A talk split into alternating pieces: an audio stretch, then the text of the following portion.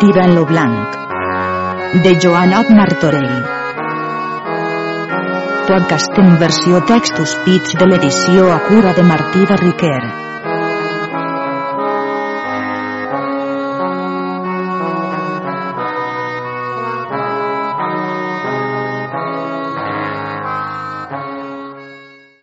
Episodi 4.2 Part quarta, tirant al nord d'Àfrica. Capítols del 311 al 330. Capítol 311. Com tiram promès al catiu de fer-lo franc. La fortuna cruel és sempre enemiga dels homes miserables, e majorment d'aquells qui són de poc ànimo, qui no poden comportar la llur tribulació ni la pena que senten.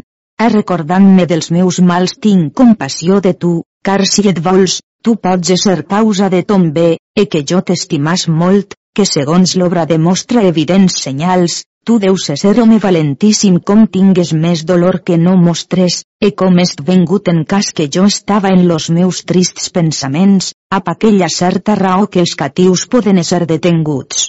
Aquí és aquell qui dubta molt més lo perdre de so que ell té, que lo que ell espera de tenir, encara que l'esperança dega és vera. E per so, bé considerant, molt manifestament se veu l'amor mia per la llonga absència de la cosa que desitge servir, e la novella pietat de les dolors del cativeri te fan estar triste adolorit. O desaventura del meu cor, qui plora de pietat per la dolor que et veig posseir. E si mor no te'n segueix, vida més pèssima que mort te'n seguirà. Eh per so te vull pregar que si tu vols seguir lo meu voler, seràs posat per mi en franca llibertat d'anar a d'aturar, tant com volràs, ab condició tal que comportes i seràs sotat per lo cam et correja que no et faça gran mal, e que et tallen un poc de les orelles, per so que tu si és causa de prendre lo castell de Montuber on lo rei està. E si la cosa s'esdevé així com jo crec, tu podries atènyer de ser un gran senyor, e si lo cas no s'acerta, restaràs en franca llibertat e bona vida que en companya mia no et fallirà. No tardà lo cristià catiu en fer principi a tal resposta. Capítol 312 Resposta que feu lo cristià catiu a tirant.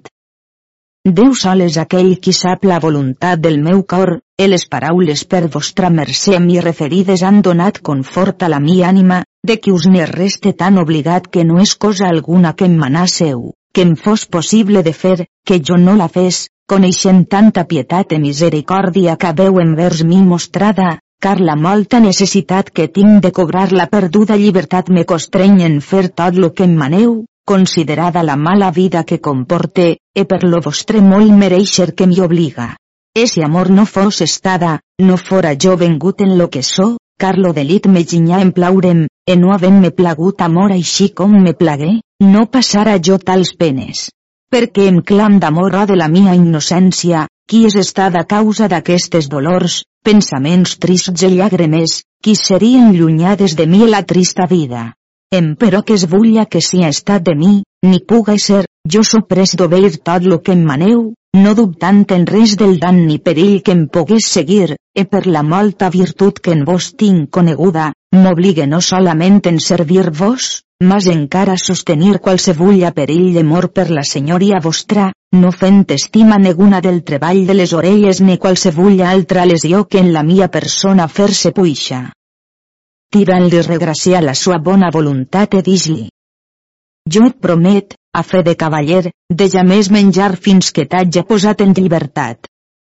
E prestament tirant-se partí del catiu e anar a parlar a plo cabdillo, e dels diners que tenia rescatar locatiu per cent dobles, e l'endemà partiren de la ciutat amb tota la gent, així com altres voltes havien acostumat.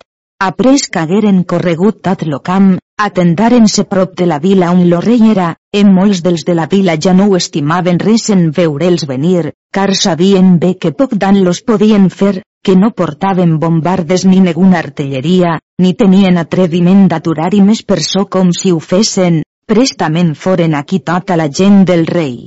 Elos de la vila molt sovint, ap llicència voluntat del rei e ap voluntat de tirante del cabdillo, los asseguraven e venien tots dies a parlament. E aquell dia entre los altres se seguí que lo rei tramés dos cavallers qui els digueren que si es volien concordar a pell, que els faria moltes gràcies e donatius. El o cap d'illo e tirant los digueren que no en volien oir negun partit, ans eren disposts en venjar l'amor del rei de Tremicene de sos fills. Après del parlament tengut, tirant, així com acostumava altres voltes, tos temps los feia fer col·lació, e aquell dia tingué concertat a l'albanès així com se seguí. Après feta la col·lació, l'albanès s'acostà on estava l'argent e furta un pitxer d'argent molt gran e ben daurat. E com se n'anava, aquell qui guardava l'argent, presse a cridar grans crits en tal forma que tirant, qui parlava a plos homes de la vila, demanà quina remorne quins crits eren aquells. E tots veren córrer a l'albanès e molts que detrás li corrien, e veren con fon pres, e portaren-lo davant los capitans. Lo qui era guarda de l'argent lo portava per los cabells e dix. Senyor, jo us requir vos placi a voler-me fer justícia d'aquest lladre manifest, qui m'ha furtat aquest pitxer d'argent. Tirant volgué que lo cabdillo parlàs primer, e dix. Jo done de sentència que sia penjat. Respost tirant e dix. Senyor cabdillo, no som ara en temps de matar gent, si en batalla no. Jo us prec li sia mudada la sentència, que sia assotat per lo camp les orelles tallades. E així fon fet en presència dels cavallers de la vila que allí estaven parlant a pell, e après de les orelles tallades, li lligaren lo pitxer al coll assotant-lo entorn del camp.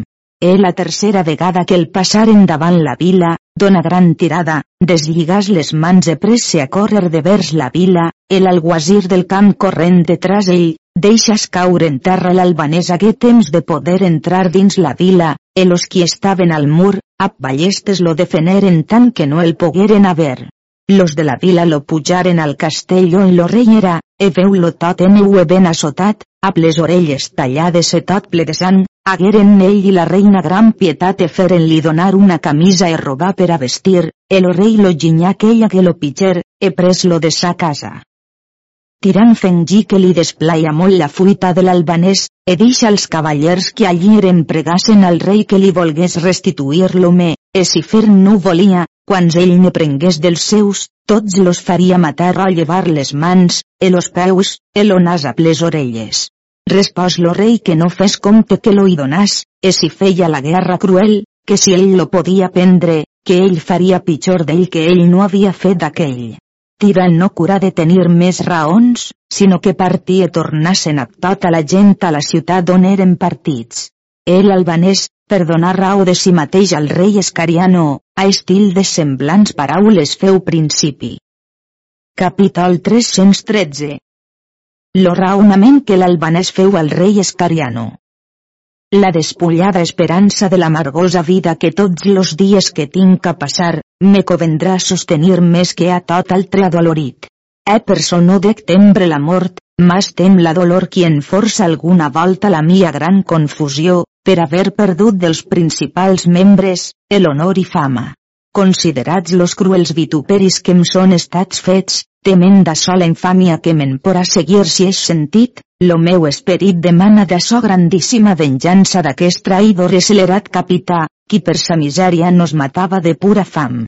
És i com és aquest crim, n'és estada causa que per sola necessitat s'és feta no per altra raó.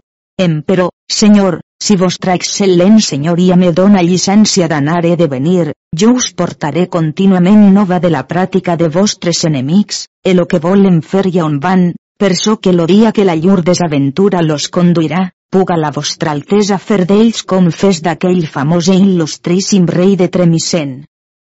Dix lo rei. Jo som molt content que es faça, e pots anar i tornar tota hora que vulgues. Hem anat totes les guardes que lliberament lo deixassen passar.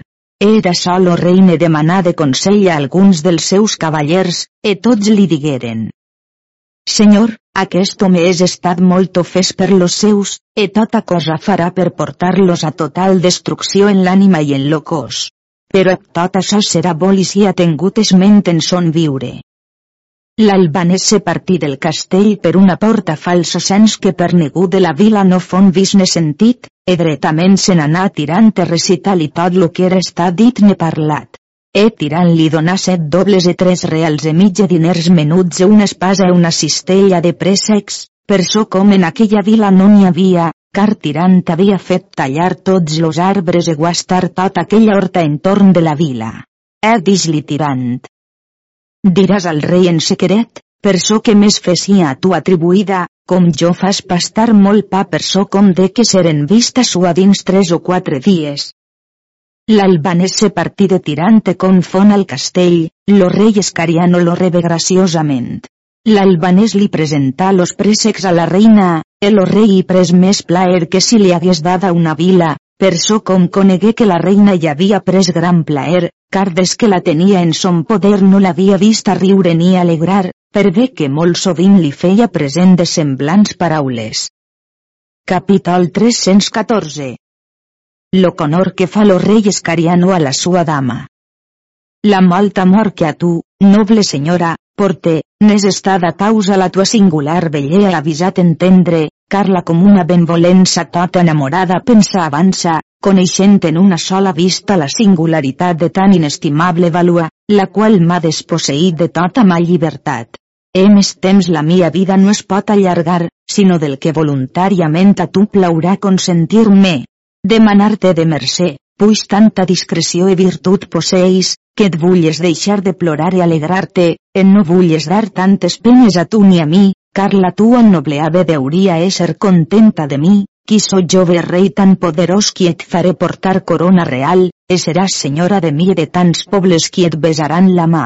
Si et dol l'amor de ton pare, germans esposat, fes compte que també s'havien de morir, e pots te bé a conortar que no has perdut res, car jo vull ser pare, germà i marit, e catiu, que pots fer de mi tot lo que plasent serà. E com dia i nit te veig a lamentar, pensar pots que torne en gran dan de la tua noble persona, car certament enutjada deuries de ser de llançar tantes llàgrimes. Perquè, senyora vida mia, vulles dar fi a tota manera de dolre, e vulles prendre esperit de confortació i de repòs, oferint-me a tu en tot quan te sia plaente a mi possible de complir. E no dix més, esperant ab singular desig la bona resposta de la gentil dama. No tardà la dolorida reina a humil gesta son dir ab tal estil fer principi. Capítol 315 Resposta que fa la reina al rei escariano en estil de lamentació. Dura cosa e crueles a mi oír paraules de consolació, car tants e tals són los mals que la trista vida mia ha aconseguits, que no tinc ja més esperança d'esdevenidora alegria, car la mia adolorida ànima no troba repòs sinó a pescampament de llàgrimes, e per so extrema amargor te parlaré, car la mia simplicitat merita major fe que la tua no és. E si les mies lamentacions mereixen algun bé, creure pots sens altra ocasió que l'abundància de tan gran escampament de llàgrimes que los meus ulls llancen nit i dia, que de dolrem tinc molt gran raó. Ese que la tua amore a la dèbita pietat en una hora satisfer pogués. Doncs puix mas tanto fesa, suplicte no em vulles més ofendre en tolren lo major delit que en aquest cas jo puc atenyer, so és, de lamentar per la dolorosa i cruel mort d'aquell tan virtuós rei qui solia ésser de Tremisen, Pare meu, l'amor del qual té tan turmentada la mia ànima. E les mies penes s'alleujaran quan acabades de destil·lar les mies adolorides llàgrimes, en lloc d'aquelles los meus ulls ploren gotes de sang. A reputaria a mi per santa, si podia imitar aquella Adriana o a Fedra, si Pileu en onne, qui per donar fi a llurs penes se mataren, e això seria la major ofensa que jo et podria fer, que venjaria l'amor del meu pare. E encara que la mia dolor sia molt major que de totes les altres dones, no cur de manifestar-la, car prou me basta jo en sia certa, car en lo món no podria restar per exemple, tantes ni agudes de malfadades e adolorides. Doncs, trista de mi, de molta dolor estic abrasada, e no sé ab quin ferro puixa dar fi a la mia alegria, car si pensàs que per això lo meu pare tingués de ressuscitar, ja fora fet.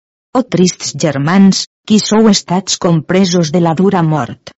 Los quals en les mies adversitats sou entrats en los ulls de mi, trista, e per vosaltres sens amor so tractada. Als excel·lents i animosos reis e prínceps i als humils e devots servents d'amor endrece més lamentacions, com a persona irada e fora de tot bon propòsit de beubrar, car a mi sola no aminva la dolor, ans m'augmenta cascun dia, car passe la tenebrosa nit incessantment ab dolorosos sospirs, car per la humana generació temerosa de l'amor me costreny, que vulla o no, necessàriament en seguir la tua voluntat, car la potència femenil no pot resistir a les tues forces, majorment per jo ésser sotsmesa a violència en ton poder, car ves pertany per humanitat al rei haver compassió dels miserables, e la pietat humana és plasenta Déu e al món. He d'allí espartir la dolorida reina, entrant-se'n en una cambra destil·lant dels seus ulls vives llàgrimes adolorits sospirs. Après que l'albanès hagué fet son present, mostrà al rei los diners que tenia dis-li. Senyor, mire la senyoria tu aquests diners que he llevats per força un home dels enemics, e si jo hi vaig sovint ne portaré moltes coses, car jo tinc un parent meu ben acostat qui està en servei d'aquest malvat de capità, e tot quan li fa m'ho diu tot en secret. E ara, senyor, m'ha dit, perquè la senyoria hagi avisada, com fa pastar molt pa provisió de moltes vitualles per venir ací. Teniu temps per a proveir si el poràs desbaratar e rompre'l, car en la guerra totes coses d'astúcia aprofiten molt als homes guerrers, majorment a tu, qui és rei tan poderós, e si està astuciós en la guerra bastes a ésser senyor del món e a ploteu fort braç conquistar aquell. Lo rei pres molt gran plaer en les raons de l'albanès dix. Ara veuré jo ton parent si t'ha dit a veritat? E al tercer dia tirant arribar a lleujas en lo lloc on acostumava les altres voltes. Lo rei donà gran fe en les paraules de l'albanès, el rei volgué que fos l'albanès una de les principals guaites del castell e donar-li per companyia sis homes fidelíssims e de llong temps servidors d'ell. E com aquest albanès venia a la tanda de la sua guaita, havia comprades algunes llepolies e convidava tots aquells qui eren de la sua guaita, a menjar e a beure. E venia-li la sua tanda de cinc en cinc dies, tirant se'n tornar passats tres dies que es fon aturat, e tractaven contínuament de concòrdia a rei, e tirant allargava tos temps la concòrdia tant com podia. Això durava dos mesos, e tirant contínuament anant e venint, e quasi ja no feia mal a ningú. El rei feia anar molt sovint l'albanès al camp de tirant per so que portàs fruites e confits per a la reina. E un dia portà una gemla carregada de vi una espasa plena de sang confon davant lo rei d'Isli. Senyor, jo sabí que el capità feia portar molt vi per fornir la ciutat, e sabent això so eixit al camí, e un exempler era restat més atràs dels altres, e li dat a una pedra per los costats, que el metí per terra, a presa pa que es bastó li doni tantes bastonades que el lleixi per mort, llevi-li aquesta espasa l'exembla, qui era carregada del més singular vi que jo, grans dies a, haja vist. Per què et suplic, senyor, que em vulles dar llicència que puga parar taverna si, e com aquest serà acabat, jo en furtaré o en compraré més, e tot dan, male de sonor que fer-los puga, jo ho faré. Lo rei fon molt content, e veren cascun dia venir a veure molts moros, e cascuna nit que l'albanès feia la guaita se'n pujava alt en la torre un gran barral de vi, e dava molt bé a veure a tots sos companyons, e tots los moros prenien gran plaer de fer a pell companyia com tirant hagué practicat moltes voltes a plo rei escariano i a plos seus, e anar e tornar molt sovint a tota la gent d'armes, e fon ben cert veu per experiència la gran fe que lo rei escariano dava a l'albanès, tirant feu fer una capsa redona de ferro a forats poquets entorn, e venguda la nit que la tració se devia fer, que era la tanda que l'albanès devia guaitar, posa brases enceses de carbó dins la capsa, e per los petits forats hi entrava vent, que no es podia apagar lo foc, e posar la capsa en un tros de cuiro embolicada e posar-les als pits. Com foren a la torre de l'esperó fer la guaita, esos companyons estaven bevent, l'albanès amagà la capsa dins un forat perquè lo foc no s'apagàs. E tenien allí uns grans tabals, e bevent o sonant estigueren quasi fins a la mitjanit. E en lo vi havien de singulars licors posades per fer dormir, segons se pertanyia. Les guaites s'adormiren a plo delitós veure, en tal punt que ja més se despertaren. Com l'albanès veu que lo sobreguaita era ja passat i les guardes dormien, pres la capsa del foc que, ap una capa que vestia, amaga la llum, he pres una palleta encès-la i posà-la per un forat de la paret que mirava de vers lo camp, e això feu tres vegades. E tirant prestament conegué lo senyal que entre ells era estat emprès, e prestament se partí del camp amb molt poca gent, e tota l'altra gent restà armada en orde per a quan serien demanats, e lo capdillo per capità d'ells. E per la molta aigua que hi havia, Font forçat a tirant els seus de passar prop d'una altra torre, el albanès feia molt gran remor dels tabals, e font gran sort, com passar tirant prop de la torre, que no foren sentits. Com ells foren prop, els de la guaita cridaven e deien, bona guaita, bona, ells passejaven ferme cuitaven deu o dotze passos, e com ells callaven, ells s'aturaven, e així ho feren fins que hagueren passat a la torre e foren plegats a la torre de l'esperó. E tirant feu de tenir la gent, e tot sol acostàs al peu de la torre e trobar una corda prima, que l'albanès llançada havia, l'altre cap de la corda s'havia lligada a la cama per so que si per cas de mala sort s'adormia, que tirant la corda se despertàs, però ell ja més se deixa de tocar los tabals, escassament ell sentí menejar la corda que fon prestament a la vora de la torre i tirar la corda que pujava una escala de cordes i lligar-la molt fort en la muralla, he après-me lligar altra. Tirant pujar primer, e veu aquells que dormien, deixa l'albanès. Què farem d'aquests homes? Senyor respòs ell, deixeu-los estar, que no està en llur poder de fer negun dan. Ab tot això tirant tu volgué veure, e trobar-los a tots sis degollats e plens de sang, he vist això, pujar la gent a com anaren los tabals au dels qui eren pujats, e forniren molt bé de gent la torre, e los qui pujaren foren 160. I llavors l'albanès posàs primer, e davallaren a la cambra de l'alcaït. Com l'alcaïd veu tanta gent, llevas tot en u, he pres una espasa en la mà i feu una poca de defensió. Tirant, a punt avisar-me, li donà sobre lo cap, que lo hi partí en dues parts, que lo cervell n'anà per terra. La muller se pres a cridar, l'albanès, qui es troba més prop, feu d'ella lo que Tirant havia fet de son marit. Après anaren per lo castell posant los forrellars en les portes de les cambres, e tanta era la remor dels tabals que ningú no sentia res. Pujaren alt per les torres, e pensaven-se los qui feien la guaita que aquells eren de la sobreguaita, e no els veien res. E com los eren prop, llançaven los de les menes del castell avall, e l'au d'aquests caigué en la barbacana i donà en l'aigua del vall estalviàs, que més fon la temor que lo mal que es feu, e prestament fon llevat e posar grans crits per la vila, e tothom se lleva. La no va anar per la vila, e per lo castell encara no ho sabien sinó per un home qui estava en les més baixes cases se peixcava, sentí donar aquell gran colp, obri les portes de la sua cambra i sentí molta gent dins lo castell, presse a cridar molt grans crits, e fon forçat que ho sentissin per tot lo castell, e com volien eixir de les cambres les trobaven tancades. Lo rei, que dormia dins la torre maestra, feu-si allí forta la reina i a puna cambrera. He vengut lo dia posaren moltes banderes per totes les torres del castell, e feren molt grans alimares i alegries.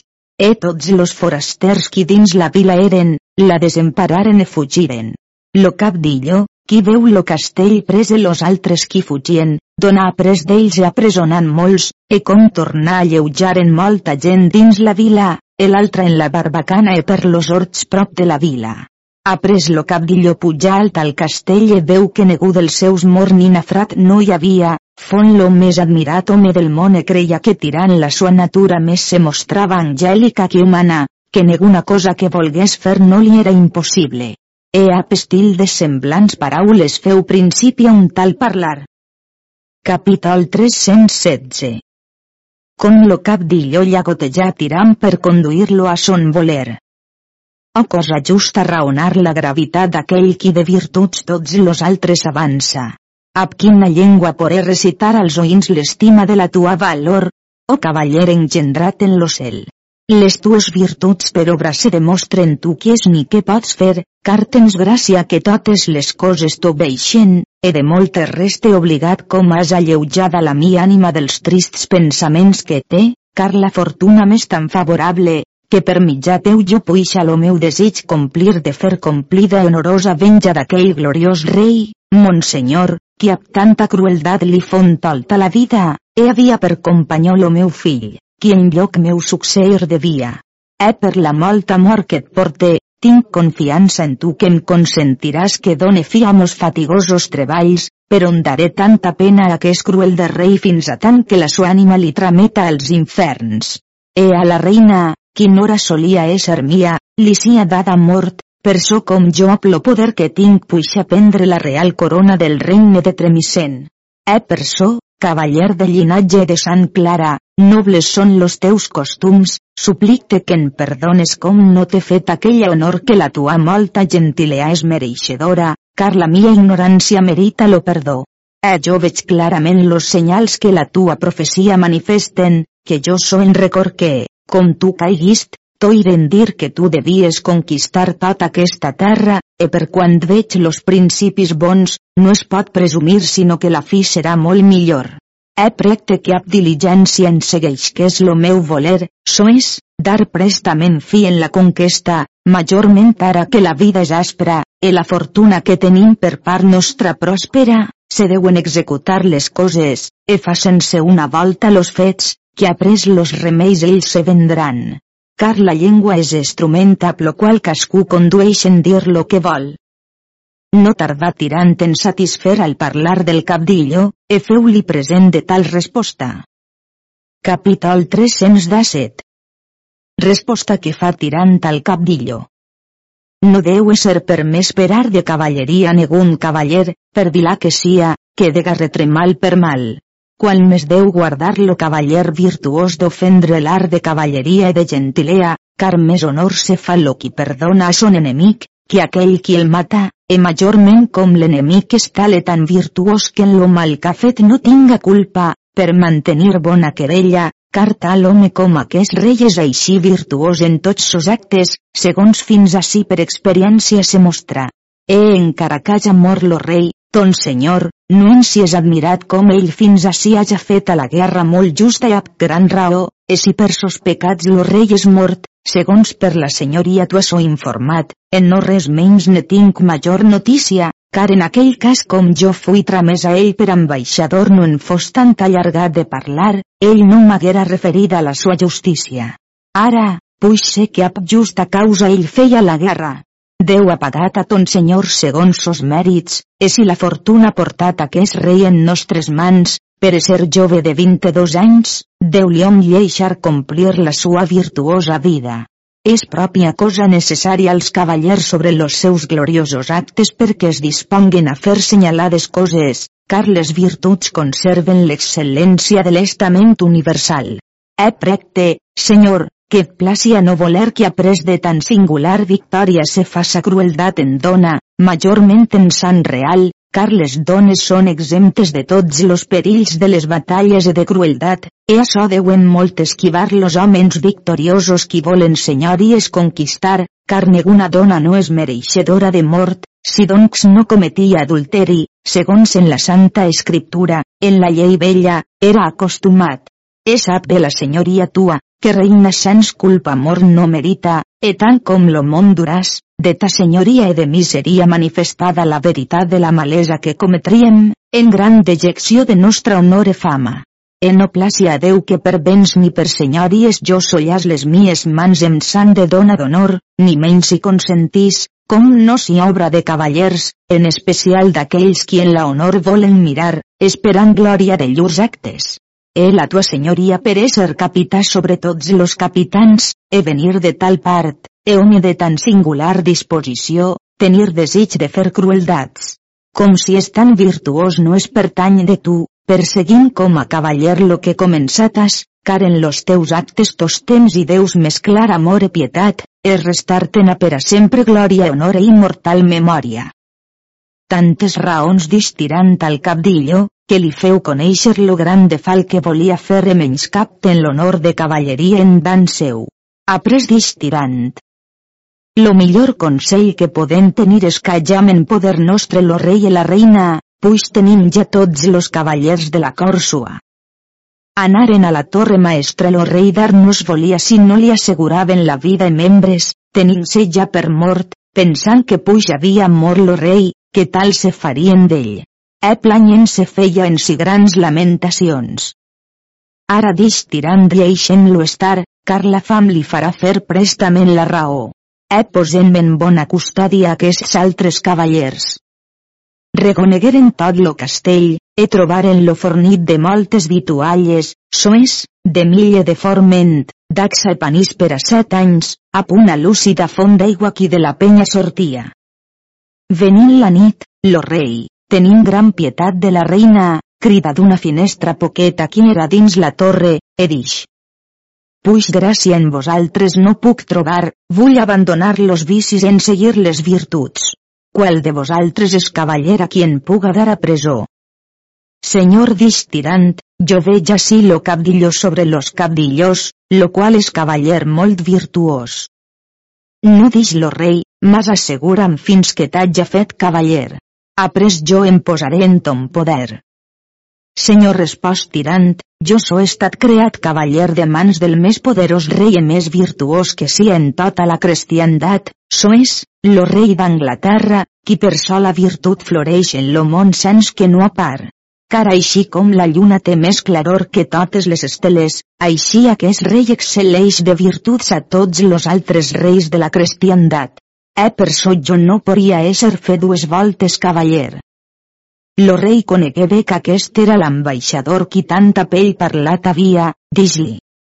Tu, qui est estat tramès a mi per ambaixador, assegura'm la vida per so que puixà fer actes de cavaller de rei coronat. E tirant responent dix. La vida tindrà segura un mes après que et sies més en mon poder, e d'açò jo done la mia fe. Lo rei ho tinguent tan gran estima com si l'hagués més en franca llibertat, he davallat de la torre, obri la porta e posàs en lo llidar a l'espasa en la mà, e deixa pànimo esforçat de cavallar paraules de semblant estil acompanyades. Capítol 318 Com lo rei se reté al capdillo per presoner. Non clam de la fortuna si m'ha portat en l'extrem que so de la mia mala sorte desaventura, puix mos pecats m'hi han conduït, mas clan-me de la mia gran ignorància, que m'haja lleixat a un home estrany no conegut, car la mia joventut ha mostrada la poca discreció que tinc, qui m'ha portat en gran dejecció i vergonya. Aquí és aquell miserable cavaller qui per dubte de mort se deixa de fer lo que la humana natura ha ordenat morint virtuosament, car és reviure per aquest miserable demon en fama gloriosa, car no pot ser que qui usa la guerra, per moltes vegades que pren, que alguna volta no s'hi ha pres. Eh pues tu no vols que jo et faça cavaller, fes-me venir aquell petit infant que no havia sinó cinc anys, que era fill d'una fornera. Com li fon prop, feu-lo cavaller e besar en la boca i donar-li l'espasa e posàs en poder del dit infant. Ara dix lo rei me podeu prendre de poder d'aquest infant e fer de mi tot lo que a vosaltres plasent serà. Dix lo capdillo. Preneu-lo vos, capità cristià, e feu-lo posar en forts presons.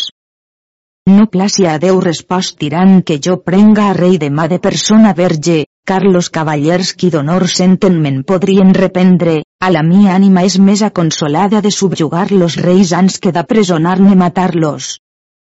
Sus dix lo capdillo, açò us deia per cortesia per donar-vos l'honor. No dix tirant, que aqueixa honor la podeu dar a vostre fill o adquirir-la per a vos. No curà de més replicar-lo cap d'illo, sinó que pres lo rei e posal dins una cambra e feu-lo bellament ferrar, e atirant desplagué molt, però per no enutjar-lo cap d'illo no dix res. Après que lo rei fon ferrat, entraren en la torre maestra, trobaren la dolorida reina molt trista llançant contínuament dels seus ulls vives llàgrimes com ella los veu, havent d'ells natural coneixença, he de singular consolació estigué per bon espai que no pogué parlar. He cobrat son record, a humil geste a veu piadosa feu principi a semblant lamentació. Capítol 319 lamentació que fa la reina per la vista de tirante del cabdillo. Així com les flames són augmentades per los vents, creixent en major flama, així les mies dolors i pensaments són augmentats en l'opus al grau de dolor com vos he vists, pensant on és lo meu virtuós pare mos germans, e aquell espòs meu que jo més amava que la mia vida, que a vosaltres solia conversar. Oh mísera de mi! Per què desitge jo que lo meu pare visqués, puix altra volta hagués de morir? Car les penes de treballs qui en aquest món són, de molt major pena l'estimen que no los altres. Doncs, atribulada de mi, què desitge ni puc desitjar sinó la mort, qui dona fi a tots los mals, es reposa les penes de treballs d'aquest miserable demone ple de misèries, e seria acompanyada a aquelles persones que jo més amava i desitjava habitar? Eh per ventura jo desitge lo meu dan en desitjar que tornassen, car tornant se podia seguir més mal per a vosaltres i per a ells, i augment de dolors per a mi, si per algun grau més era possible que augmentar-se poguessen. Eh com jo els perdí de vista fon aquella assenyalar dia de dolor, com ja jo no pogués cridar ni planyer, lamentant la mia fort desaventura, plorava, per so que si no oïen la mia veu sentissen lo plor. Què podien fer més los meus ulls, sinó que plorassen, puix no els podien veure. El que em fallia a la veu, augmentava en plante batiments, mesclant-lo tots ensems a les mies llàgrimes. O piadosos oïns, contemplau en vostres penses los meus cabells calats en lo coll i en les espatles escampats, segons es costuma de persona molt dolorosa. E les mies vestidures augmentaren en gran pes per l'abundància de les mies llàgrimes, qui les havia tan banyades que les gotes per baix de corrient, e així tremolava lo meu cos com fa l'aresta del blat com la toca lo vent. No us demane gràcia alguna messia feta, sinó que prestament me doneu l'amor perquè a lo meu pare puga fer companyia. E per lo medit vos prec que no em sia dada llonga pena, car la granea de ma desaventura totes les altres dones del món avança, e per cas de ma adversa fortuna lo darrer comiat que pervenc al terme de ma oïda fon un dolorosa i.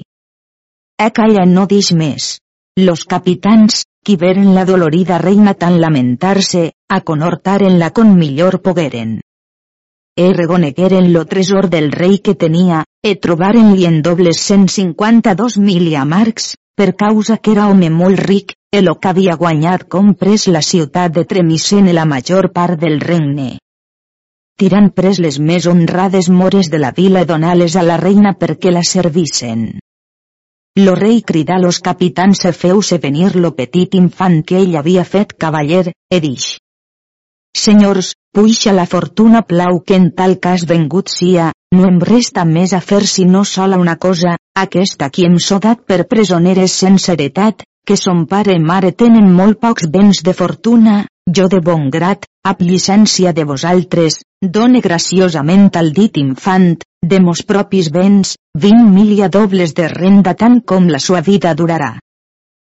Fe una llevar carta pública, rebuda per dos alcadis, e més, aquí present, feu donació de tots los seus regnes de terres a Maragdina reina i muller sua. Ara dix lo rei, puixe complir de fer tot lo que desitjava, no resta d'ací abans sinó que façau de la mia persona tot lo que plasent vos sia, que ap molta paciència prendre l'amor tot hora que executar la vol reu, car ja no em pot fallir sepultura deshonrada. Mas deman vos de gràcia que em vinga a veure aquell inic accelerat home, que de bon grat jo li vull perdonar, puixes està tan destre tan sol lícit en posar-me en angústies i destruir tot lo meu estat com li fon davant l'albanès, lo rei li presentà semblants paraules. Galant, molt merita la tua fe, que has tingut tan gran ànimo de fer una tan gran maldat de tració de voler destruir un rei en persona i en béns. Per quina culpa meriti jo de ser tan maltractat de tu? Bé has manifestada la ficta amor que tu em mostraves. Digues, albanès, on és la promesa fe que a jurament de mal cristià tu prometis de ser-me lleal? Qui poguera creure que tanta maldat i crueldat en tu pogués habitar? He de pot pensar lo teu capità que pot fiar molt de tu, car si lo cas si bé, faràs pitjor d'ell que no has fet de mi. Tos temps la fortuna és favorable als dolents sediciosos. Ara jo et perdone, per so com estic en l'article de la mort, e no sé si sereu i o demà, e jo confio en Mafomet que altri et pagarà, car la tua gran maldat no pot restar impunida. Tira no comporta que més parlàs lo rei, sinó que li dix. Senyor, a Conorta te tingues bona esperança de la tua vida. He pense la senyoria tua que això són obres de guerra, que qui la continua li segueixen molts inconvenients, que unes voltes són vençuts, altres vencedors, i això segueix més als grans senyors que no als altres, per so com acostumen a pillur gran poder, volen llevar la roba als qui no tenen defensió, i algunes voltes la fan justa o injusta, e nostre Senyor, qui és just, dona en les batalles en les guerres la justícia de qui és. Per so, si la fortuna t'ha portat així pensa que tu no és lo primer ne seràs lo darrer.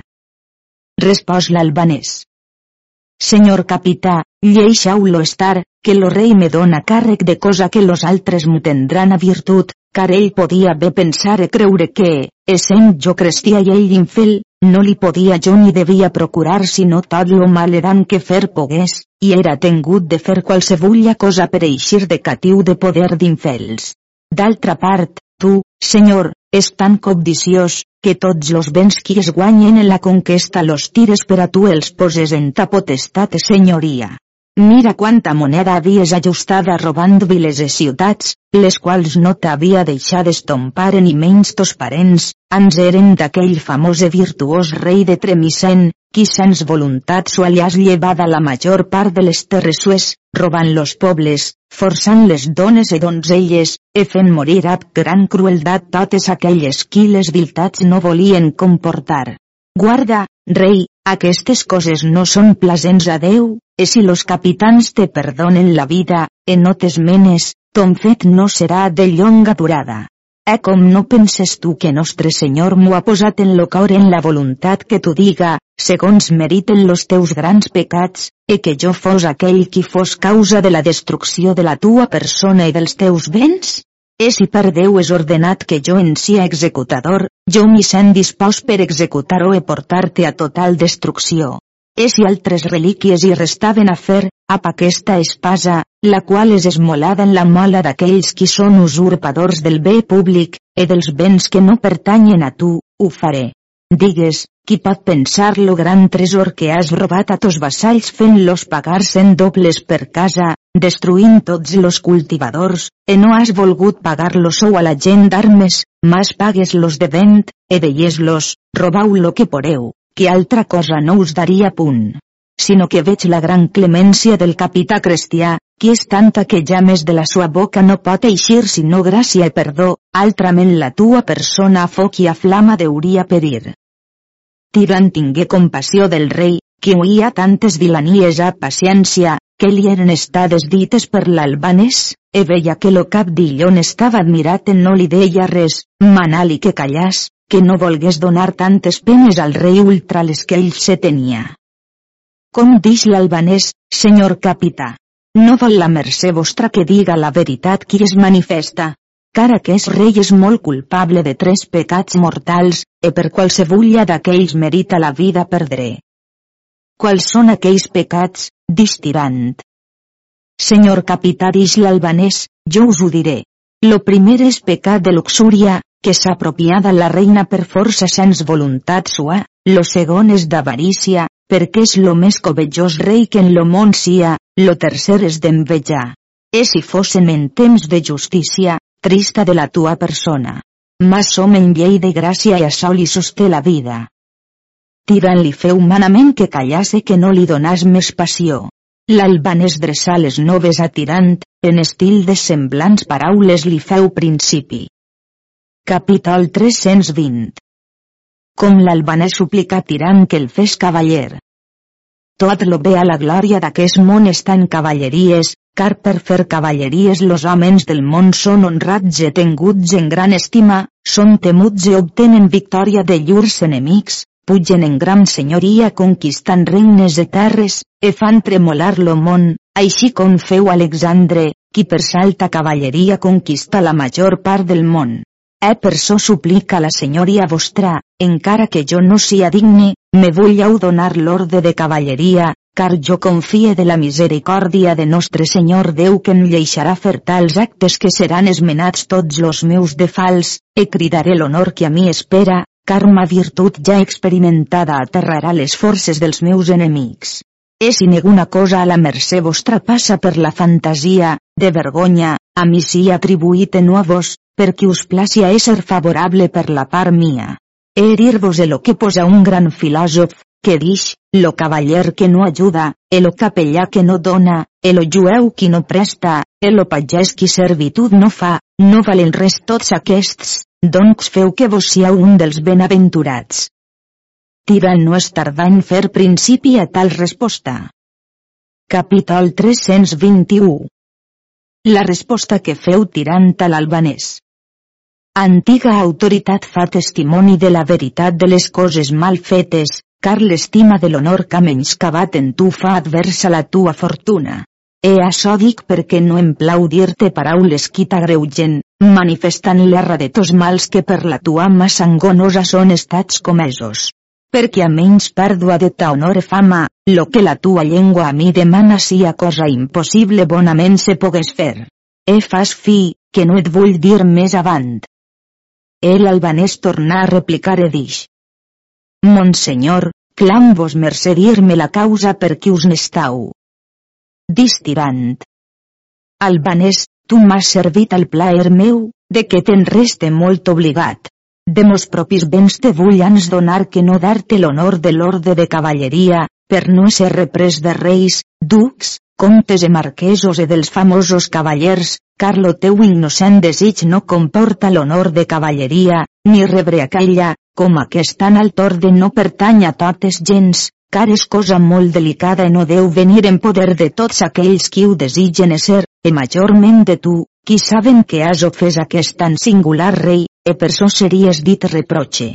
E per so jo no vendria tan honor de que els bons cavallers reprendre'n poguessem. E si jo ho fes, forçat seria que la tua persona hauria de sostenir tants de dans amb tanta pèrdua de ta honor, per justa reparació del que has ofès al noble rei. Més te val ésser bon escuder que mal cavaller, perquè els homes envejosos de nostra pròspera fortuna més s'enugen. Vet ací cinquanta mil dobles, que de bon grat te do, puix tan virtuosament has obrat. Ell pres les dobles e passassen en la terra d'on era natural, Soes, Albània. Fet això, tirant ordenar fossin trameses cents mil dobles en Tunis a un cosín germà del Cabdillo, que era en aquell regne regidor per lo rei de Tunis, e pregal que quitas lo senyor d'Agramunt tots los altres qui dins la sua galera venien. E tots foren trets de captivitat per lo governador, qui els feu comprar a mercaders, que ell gens no s'hi mostrava, e això feu per amor del Cabdillo. E tramés los tots on era tirant. E com los portaven dins terra, tenien l'esperança perduda de jamés eixir de captivitat, fins que veren lo llur capità. No penseu que fos poca la consolació que ells prengueren en la vista sua.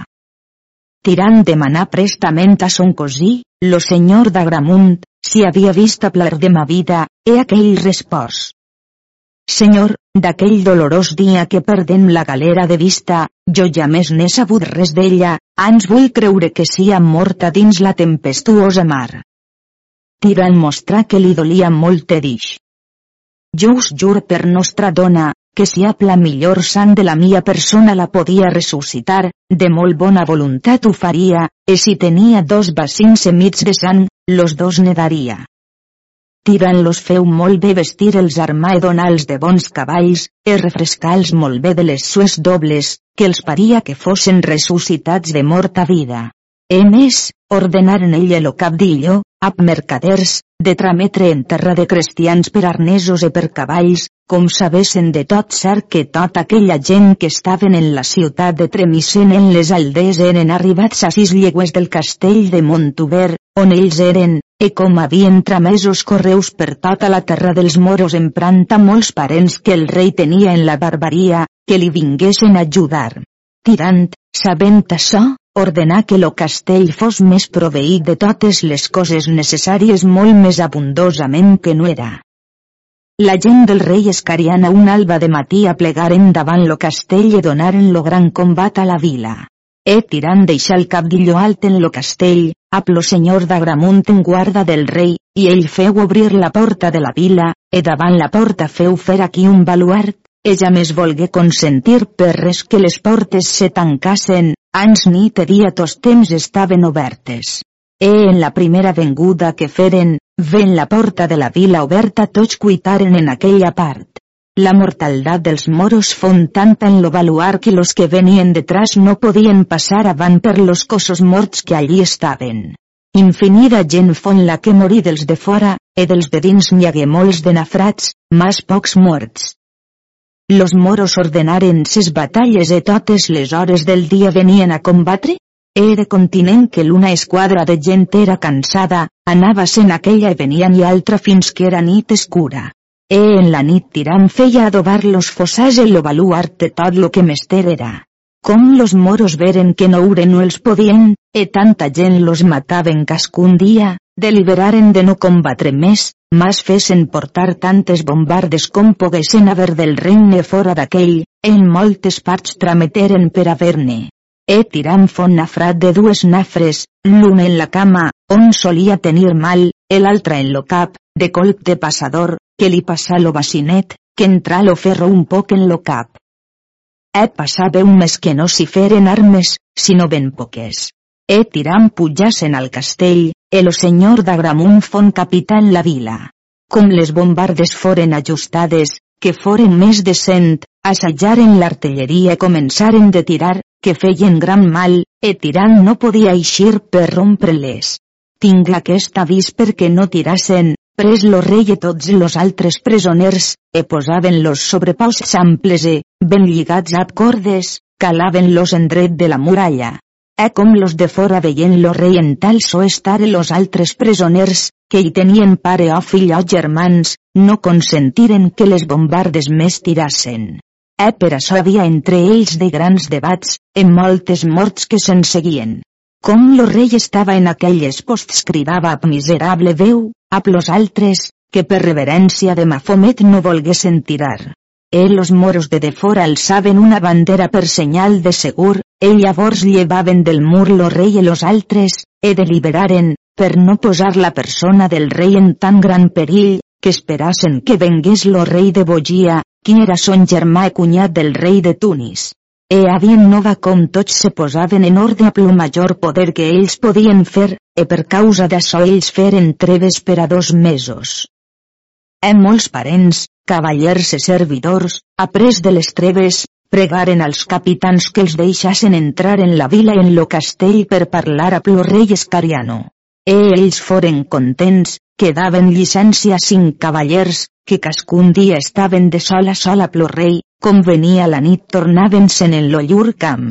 Aquests moros hagueren nova certa com los reis de Jus nomenats venien per socórrer-los, primerament lo rei de Bogia, son germà, el rei de Fes, el lo rei Menador, lo rei de Pèrsia, lo rei de Latana, lo rei de la menor Índia, lo rei de Domàs, lo rei Geber, lo rei de Granada, lo rei d'Àfrica. Tots aquests reis los demés eren en deute de parentes cap a aquest rei escariano, el menys que cascun d'aquests portava eren 45 milia combatents? El rei de Belamerin s'ajusta a lo rei de Tunis a 80 milia combatents, e a aquella gent vengueren a socórrer los altres, e tots justats tenien lo siti. Seguís un dia que la reina tramés a cridar a Tirant que volgués plegar a la sua cambra per so com volia parlar a pell.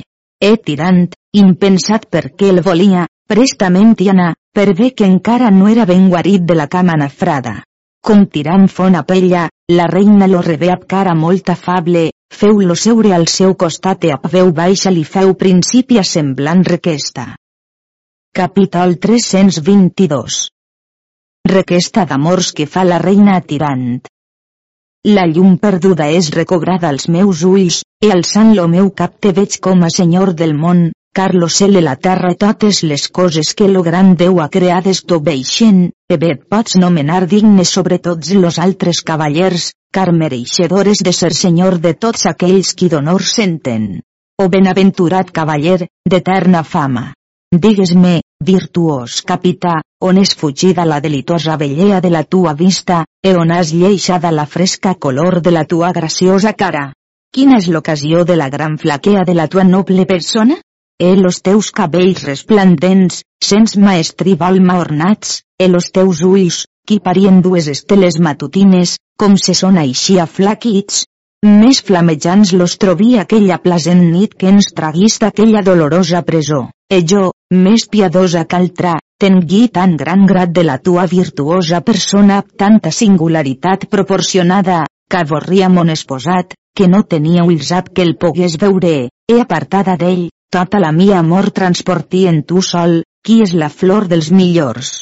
Eh jo bé conec, capità senyor, que ja més bastaria a premiar-te lo gran servici que m'has fet, perquè suplica al nostre mafomet que te'n vull retre lo premi en lo que jo falliré, e per la part mia com no tinga cosa de major estima que la mia persona, encara que no sia suficient premi al que tu tant vals e merites.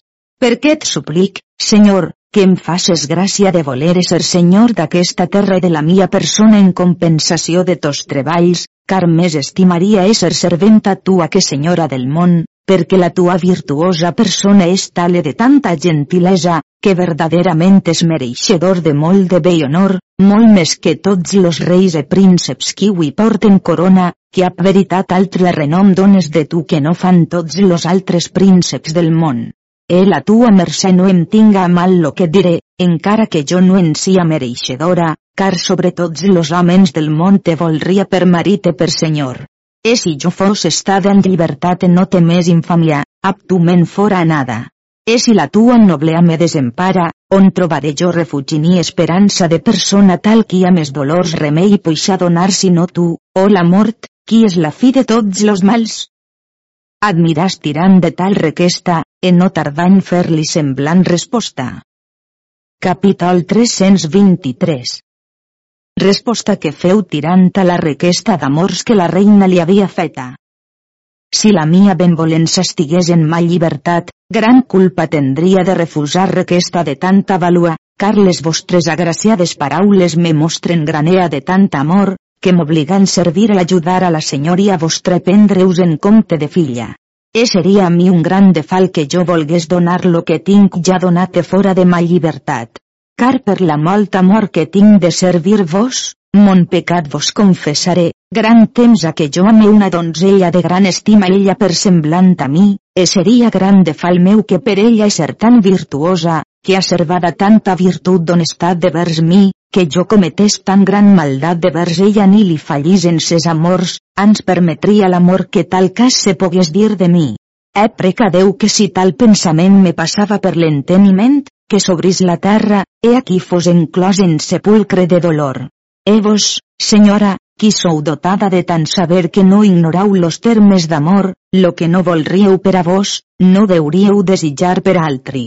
He preca la senyoria vostra no s'agreuge del meu parlar, car vos sou persona tale de tanta estima que no és dama en lo món qui més puga valer, ni ser príncep ni cavaller, per virtuós que fos en lo món, que no es degués tenir per benaventurat en posseir la vostra gran bellea. E com veritat sia una de les causes que nostres passions refrena, les fundades e invencibles raons de vostra senyoria, los escurs núvols de la mia apassionada ignorància en vapors convertint, absol lluminós de vera doctrina, han il·luminat lo meu entendre, calfant ma voluntat de servir vostra excel·lència, que la vida no tinc encar si la via d'espendre. Eh perquè lo pecat meu vos he confessat, de més abundant perdó teniu causa de perdonar-me, però per mèrits d'aquella qui per molta gentilea so afectadament mama, ha volgut Déu que lo meu cor e voler no es puga mudar, e per causa d'això lo meu cor plora gotes de sang, ella més se veurà alegre ni content fins que veja la senyora de qui és. Mas havent per ser que mèrit neguns no basten de fer menys ma benvolença, Puix altre delit amor ab si no porta sinó esperança de benaventurada fi, perquè jo no em desespere prenent per tal fi vostra inestimable valua, la qual per la mercè vostra tenir tanta bellea, gràcia e saber, m'obliga a dir-me servidor vostre tant com lo viure m'ho consenta. He per temença d'errar-me deixé de recitar les mies pròpies passions, per bé que no es mostren tan grans com són les mies fatigues, car dix un gran poeta que les fatigues traen apenes amor de la pensa. Ajuda'm encara altra raó que no em vull oblidar, com vostra senyoria si amora jo cristià, no seria lícit tal matrimoni. E no perdau, senyora, per lo que dite, l'esperança de mi, car tant com ànima tendré en lo cos, ja més vos falliré en servir-vos, absent o present, on se vulla que jo sia, car lo vostre molt mereixer mi obliga. No tardà la reina, a llàgrimes als ulls, fer-li semblant rèplica. Capítol 324 Rèplica que fa la reina atirant. Poc se poguera creure que en un cavaller de tanta noblea, ab compliment de totes virtuts, habitas tanta crueldat de refusar requesta de tan gran amor, car si tenies coneixença qual ma vida perilla, per art de gentilesa deuries ser prompt en procurar-me lo remei. He de tal pensament estic temerosa de dir-te quant estic abandonada quan veig que no et puc dir la menor part de la pena mia. En tals contrasts per sobres gran dolor la mia ànima està turmentada, e ara t'es manifesta la causa d'on tant temps la mia gran amor t'es estada coberta, la qual, sol un punt d'igual temor no desacompanyada, ja més a sofer la mia voluntat te pogués dir a patreviment quanta és la senyoria que tens en mi. E coneixent lo teu gran avisament, te fas cert, si a mes paraules negaràs creença, no tardarà lo mèrit que serà demà presta mort, e així los meus mals no hauran llonga durada. Aconseguint terme d'infinita glòria, si de tu he acabat remei, e fent tu lo contrari, prendrà fi en mi, deixant-me de viure amb sola ànsia que los meus mèrits amb los teus tant se concorden, que igualment mirant, en paraís o en infern los dos prenguen posada. E si et paran les mies paraules ab si veritat no porten, pensa que no poc amor dir tals coses m'obliga. Aptat que si despill no tens fretura, veuràs de tos béns per defalt de ben dir la més part ser callada, e hauràs a creure que si com a Déu t'adorava, nom de mal amor a mereixeria. Ma sol un demèrit ma extrem amor guasta, que los teus molts béns forçada a tant amor me porten, havent per ser mèrits alguns no basten de ser amada me facen mereixedora. E a tan fallides esperances, seguint lo costum de les altres, deurien fer menys ma benvolença, puix altre delit amor ab si no porta sinó esperança de benaventurada fi. Ve que jo no em desespere prenent per tal fi la tua inestimable valua, la qual Déu te m'obliga a dir-me tu a tant com lo viure m'ho consenta, adorant a tu, que altre Déu ma llei no em mostra. Con me dius jo som ora tu cristià tal matrimoni ser no poria, e jo dic lo remei, que ves pot fer, en tornar tu moro, e la mia demanda se complirà en tal cas haurà lloc. E si fer ho volràs, que vulles dir que la tua llei sia millor que la mia, de bon grat ho creuré tos temps diré que així és, e tota hora que tu volràs experimentar, coneixeràs quanta és la mia amor e fermetat. Perquè, cavaller virtuós, obre los ulls e veja lo teu cor sentit, lo que dic ho faré amb major voluntat que tu pensar no podies. Eh de la donzella que em dius que més, jo crec que són ni per excusar-te, sinó que mostres tenir poc grat de mi o per so denegues lo matrimoni.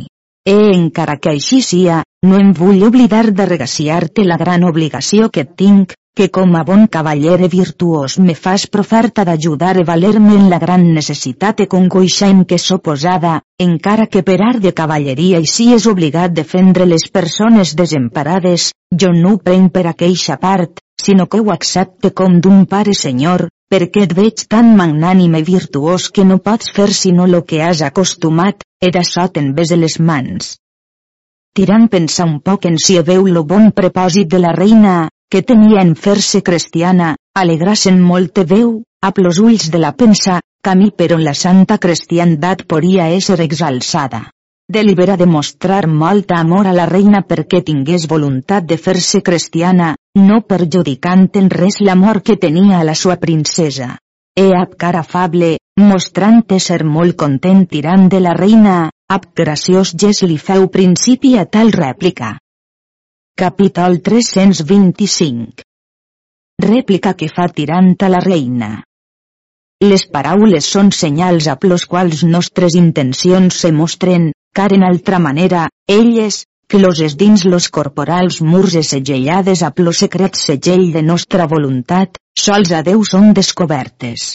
E així, senyora virtuosa, jo us ame de verdadera amor, e us desitge servir, em però no encara segons la senyoria vostra ho accepta, mas quiti he despullat de sensibles passions, he apartat de tot amor libidinosa, sinó verdadera caritat, mas acostant-me a la senda per on les passions caminen, puix amor en mi en tant extrem presposada.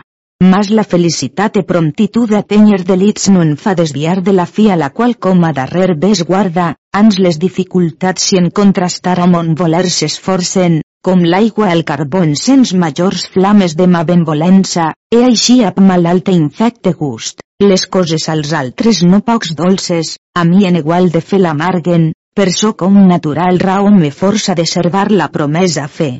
E encara que no siau senyora de la mia persona, us sereu dels béns de la voluntat, e per mi serà augmentada multiplicades virtuoses obres l'honor de vostra fama, reservant la vida per actes de virtut estimada que dels prudents espera, en diferència d'aquells que no volen usar de natural raó, que los folls perills esquivar solen les dames qui són virtuoses qui viure volen virtuosament. E aquella cosa rectament és desitjada la qual après que és atesa fa millor al qui la posseix. E per so, algú de virtut acompanyat no deu elegir l'amor sinó per valuar que més que la vida dignament s'estime.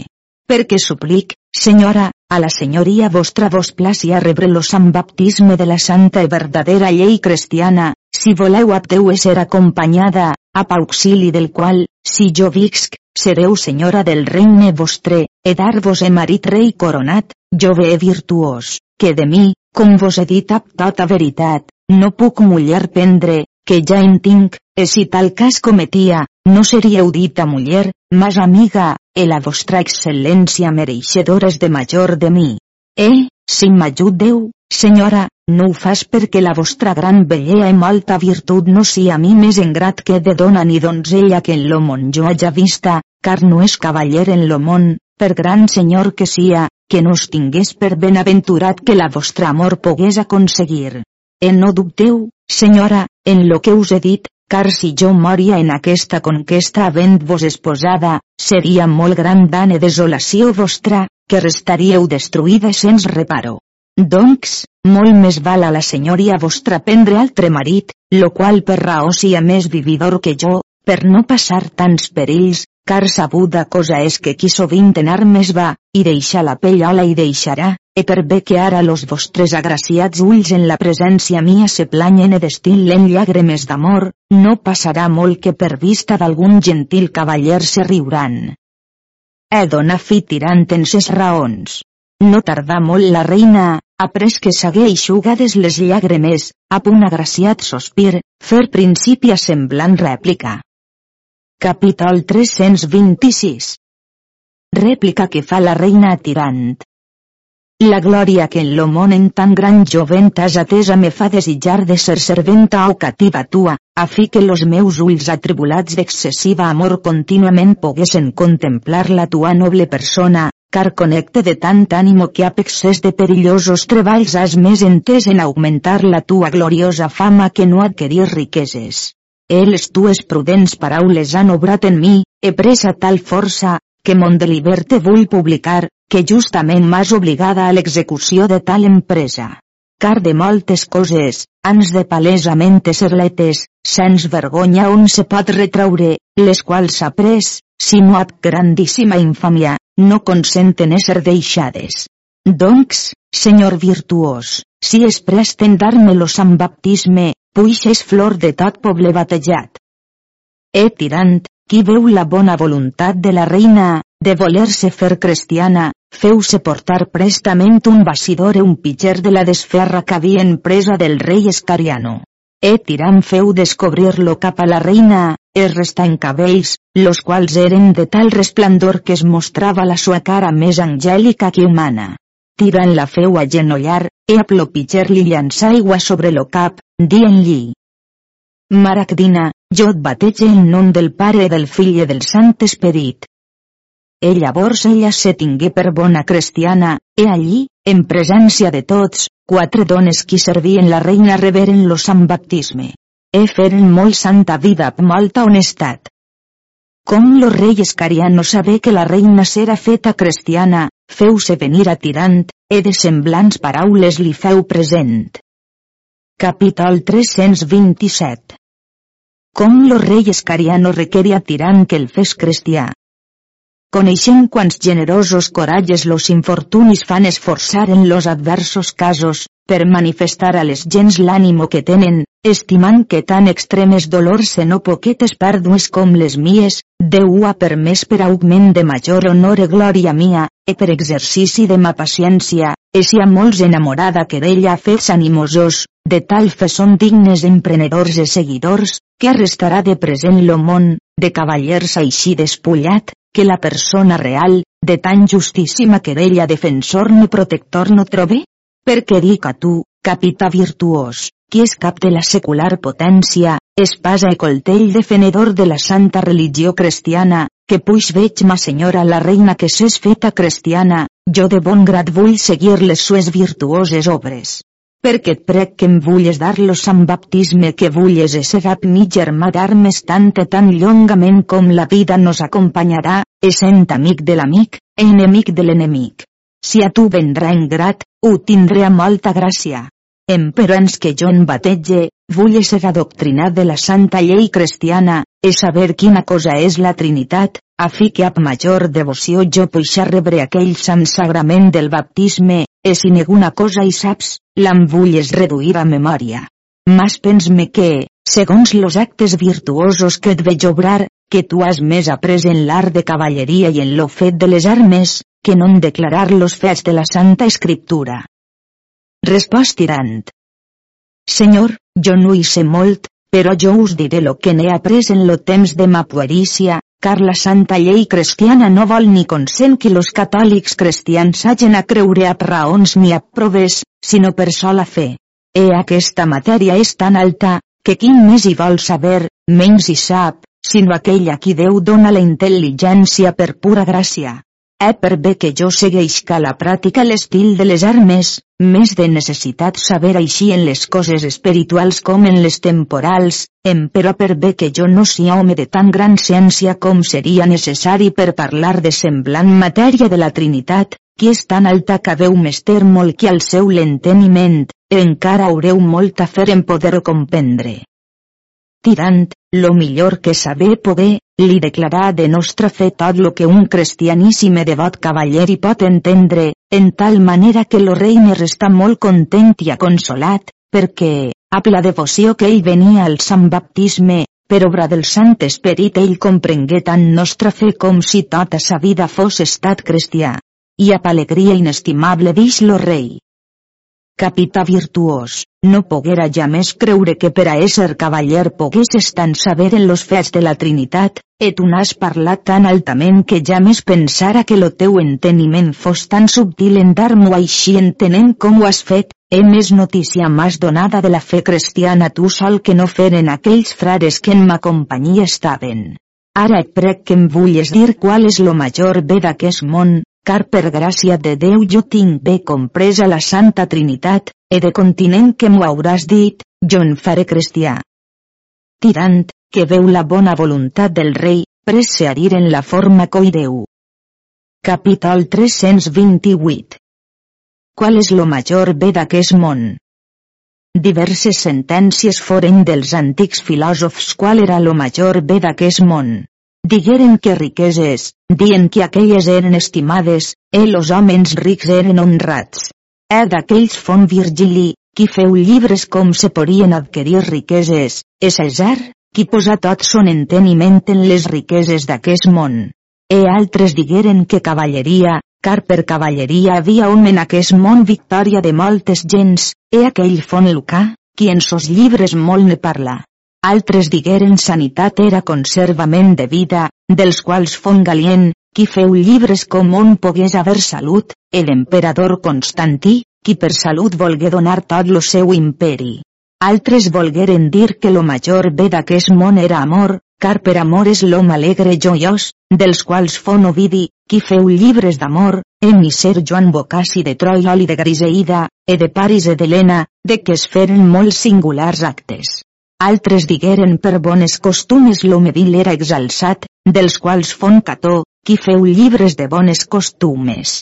E altres digueren que saviesa, car per saviesa coneixia on Déu a si mateix, e totes les criatures de Déu, e aquest fon Aristòtil, qui feu llibres de saviesa, el rei Salomó, qui, entre tots los altres, nostre Senyor Déu lo volgué dotar de saviesa, lo qual dix, jo me saviesa perquè és il·luminació de l'ànima, e per ella tinc honor davant los vells i los jovens, d'on proceix subtilesa en jutjar davant les potestats als qui ho mereixen, e posseix ca memòria per a tots temps en ordenar los meus pobles en los pensaments d'aquells, és gran delit, doncs, aquest deu homen seguir, car més val que or, ni argent, ni pedres precioses. Però molts són que hi treballen per aconseguir saviesa, i no són tots d'un enteniment, car uns treballen en saber per raó que sien millors que los altres, e aquesta i tal són moguts per pecar de supèrbia, qui volen saber per raó d'exalçar a si mateix, e aquests tals lo llur saber és inflat, qui dona supèrbia altres aprenen saber ab què puguen haver riqueses, e aquests tals són moguts per lo pecat d'avarícia, el enteniment d'aquests seria convinent cosa saber de medicina, car per aquella se poden aconseguir riqueses temporals.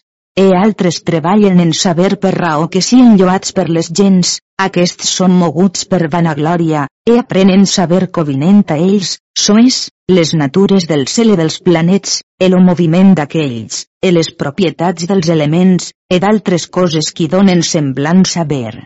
Altres treballen en saber per conèixer a si mateix, aquests són moguts per virtut de Déu, e llur enteniment és bo, car treballen en viure bé servir a Déu, e aquests tals han la glòria celestial, e la flor e fruit de saber, e són nomenats savis. E veus així, Senyor, tot lo que hi sé en lo que la senyoria vostra m'ha demanat, e cinc més i sabes més vos n'haguera dit, e suplics vos me façau gràcia de voler rebre lo sant baptisme, e jo us vull servir e ser vos germà d'armes. Respòs lo rei e dix que era molt content, e que cosa en lo montant no desitjava com ésser cristià, e que el pregava que prestament fos fet. E tirant li dix. Senyor, jo vull que ans de totes coses me façau lo jurament de la germandat, a l'alquible, com a moró, he après, com sereu cristià, altra volta com a cristià. Dix lo rei que era content de fer tot lo que ell volgués. Tirant per provar-lo, li dix. Senyor, voleu rebre lo sant baptisme en públic o en secret? Com dix lo rei penses tu que jo vull enganar a Déu? Ans me plauria molt se fes en presència de tota la mia gent fer-me crestia rebre lo sant baptisme, a fi que ven batejar a mi tinguen ocasió de batejar-se. He precte que de continent i vull estràmetre. Tirant, per lo gran benefici que s'esperava d'aquesta cosa en augment de la santa llei cristiana, fon molt sol lícit, e tramés un moro als capitans del rei Escariano a dir com lo rei los manava, sots pena de la feltat, que vinguessin a ell a tota la gent. E los moros foren contents d'obeir-lo manament de llur senyor com los manàs que vinguessin pacíficament sans armes, e així fon fet. Capítol 329 Com lo rei Escariano se batejà. Après que la reina se fon batejada e tirant hagué tret lo rei de presó, feu-lo davallar en la vila, per so com eren d'acord que es volia batejar. En aquella vila havia una bella plaça, e tirant feu fer un vell cadafal e feu-lo molt ben paramentar de draps de brocat e de ras, el rei estava alt, ben avellat, asseït en una bella cadira coberta de brocat, com a rei, e una gran conca d'argent plena d'aigua aparellada en una part del cadafal. E havia fet a fer tirant una escala ben ampla a sos graons per poder pujar e davallar-los qui batejar-se volrien. Los capitans del rei Escariano a tota la gent partiren del camp a peu e desarmats, perquè era prop de la vila, molt pacíficament. Com foren al portal, triaren-se tots los capitans e cavallers, entraren primers, e l'altra gent los seguia. com foren en la plaça davant lo cadafal del rei, feren-li tots molt gran reverència e digueren-li que els manava la sua senyoria. Lo rei apes forçada veu-se pres a dir forma de semblants paraules. Los meus fidelíssims vassalls, parents i germans, a la divina clemència és estat plasent d'haver pietat de mi i de tots vosaltres, si us voleu, cara mi il·luminada la mi ànima lo meu enteniment, com per aquest virtuós capità cristià he rebudes moltes gràcies, la primera, que m'ha tret de presó posat en llibertat, la segona, que m'ha instruït en la santa fe catòlica per tal forma que jo tinc notícia verdadera com la secta de Mafomet és molt falsa i reprovada, e tots los qui en ell cren van a total destrucció i damnació. Perquè us prec que us man, com a bons vassalls i germans, vos vulleu batejar a mi e fer-me companyia. E fiau de mi que, a càrrec meu e de la mi ànima, vosaltres rebau-los amb baptisme en salvació de les vostres ànimes. E los qui es deliberaran de batejar-se, no es moguen, los qui no es volran batejar, buiden la plaça i facen lloc als altres que vendran. He dites aquestes paraules, lo rei se despullà en camisa en presència de tots, e tirant-lo portar a la conca, he aquí el batejar llançant-li un pitger d'aigua sobre lo cap, dient, Rei Escariano, jo et batege en nom del Pare del Fill i del Sant Espirit. Après tiran batejar quasi tots los presoners, per so com los demés eren parents del rei ben acostats. Après se batejaren dos capitans, qui a tot llur llinatge reberen los amb baptisme, l'un llinatge s'anomenava de Pensarac, l'altre de Capsani. E en aquell dia foren batejats, per la mà de Tirant, passats sis mil moros. Los altres restaren per a l'endemà i per als altres dies, fins que tots fossin cristians. E pocs foren los qui se n'anaren, e dels més roïns los qui no es volgueren batejar. Après dix tirant al rei. Senyor, en lo temps que la senyoria vostra era mora enemic de la nostra santa llei cristiana, me fes jurament de moro que seríeu ap mi germà d'armes, perquè us suplic que ara de nou me torneu a fer altre jurament com a cristià perquè la mi ànima ne sia més aconsolada. Lo rei dix que era molt content. E tirant de sa mà havia escrits quatre evangelis, en un full de paper, dels quatre evangelistes, e posals-hi davant, e lo rei feu lo jurament en semblant formar. Capítol 330 Lo jurament que feu lo rei Escariano a Tirant. Jo, Escariano, per la divina gràcia rei de la gran Etiòpia, com a fer el cristià verdader catòlic, pose les mans sobre los sants quatre evangelis i fas jurament a tu, tirant lo blanc, de ser-te bo i lleal germà d'armes, tant i tan llongament com los nostres dies duraran, ha promès a fer de ser amic de l'amic enemic de l'enemic. E per bona germandat te promet de tots mos béns presents esdevenidors de partir ab tu mitat, e si per cas d'adversa fortuna tu eres pres, de posar a perill de mor la mia persona los béns en ajuda a favor tua. He dic ara per llavors, em obligue sots virtut de la promesa fe, de complir totes les coses que a bona pura germandat se requiren. E tirant feu lo semblant jurament, com ja li n'hagués fet altre com lo rei jurà com a moro. He fet lo jurament per cascuna part, s'abraçaren es besaren, e d'aquella hora van tots los qui es feien germans d'armes prenien la forma d'aquest cartell. E complides les coses de sus dites, tirant tornar a batejar, e la pressa era tanta dels moros qui es volien batejar, que tirant no bastava nit i dia en dar-los los amb baptisme, fins a tant que venc un frage de l'orde de la Mercè qui era arribat en la ciutat de Tunis i vengut a punt a nau de mercaderia per traure catius cristians. El dit frare era natural d'Espanya la Baixa, d'una ciutat qui és nomenada València, la qual ciutat fon edificada en pròspera fortuna de ser molt pomposa e de molt valentíssims cavallers poblada, e de tots béns fructífera, exceptat espècies, de totes les altres coses molt abundosa, d'on se traen més mercaderies que de ciutat que en tot lo món sia. La gent qui és d'allí natural, molt bona pacífica de bona conversació, les dones d'allí natural són molt femenils, no molt belles, mas de molt bona gràcia més atractives que totes les restants del món, car a llur agraciat gest de la bella eloqüència encativen los homes. aquesta noble ciutat vendrà per temps en gran decaïment per la molta maldat qui en los habitadors d'aquella serà. D'açò serà causa com serà poblada de moltes nacions de gens, que com se seran mesclats, la llavor que eixirà serà tan malvada que lo fill no fiarà del pare, ni lo pare del fill, ni lo germà del germà. Tres congoixes ha de sostenir aquella noble ciutat, segons recita Elies, la primera de jueus, la segona de moros, la terça de cristians qui no venen de natura, qui per causa d'ells rebrà gran dan i destrucció. Encara diu més, que la causa per què és tan fructífera aquella regió i tan temprada si és que com l'espera del sol dona en paraís terrenal, que reverbera en la ciutat regne de València perquè li està de dret en dret, i d'ací li ve tot lo bé que té.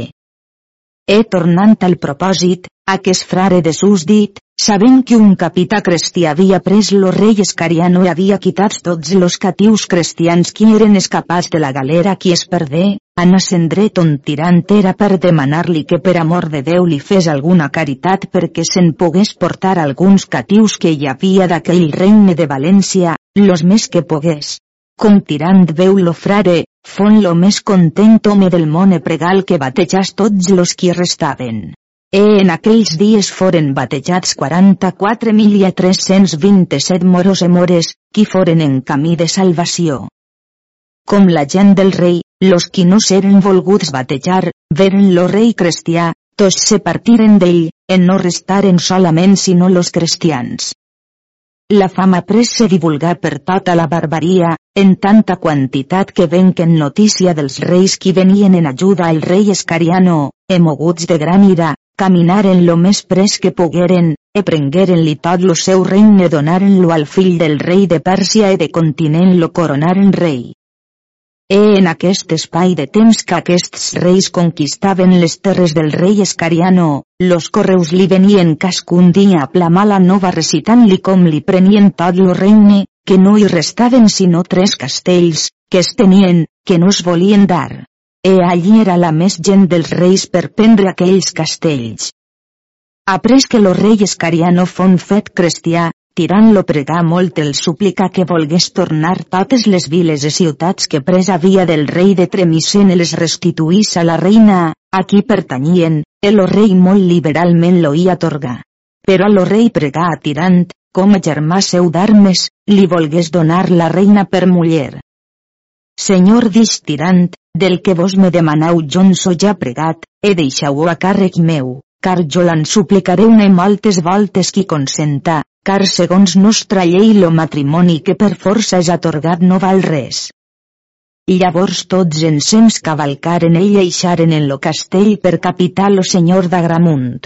El lo cap d'illo, que veu atirant tan avançat en cristiandat e tots lo veien com al rei, estimaven més la liberalitat e bon parlar de tirant que del rei ni del cap d'illo ni de tots quants eren, lo cap d'illo pregà tirant lo deixàs estar en sa llei fins a tant que fos mogut per sa devoció. E tirant honrava-le l'avançava tant com podia, e tos temps en los consells ell era demanat lo primer e parlava pres del rei. Puix lo rei fon posat en llibertat, ab tots los seus anaren a la ciutat de Tremisen. E aquella ab totes les altres viles e castells foren restituïdes a Maragdina, reina de Tremisen e foren quasi tots los d'aquell regne cristians, el frare instruïls en tot lo que es pertany a verdaders cristians. La reina, un dia, com se veu senyora de tot son regne de Tremisen, volgué altra volta temptar de paciència a tirant si li avelliria la corona del regne, perquè deliberà de fer-li una semblant requesta.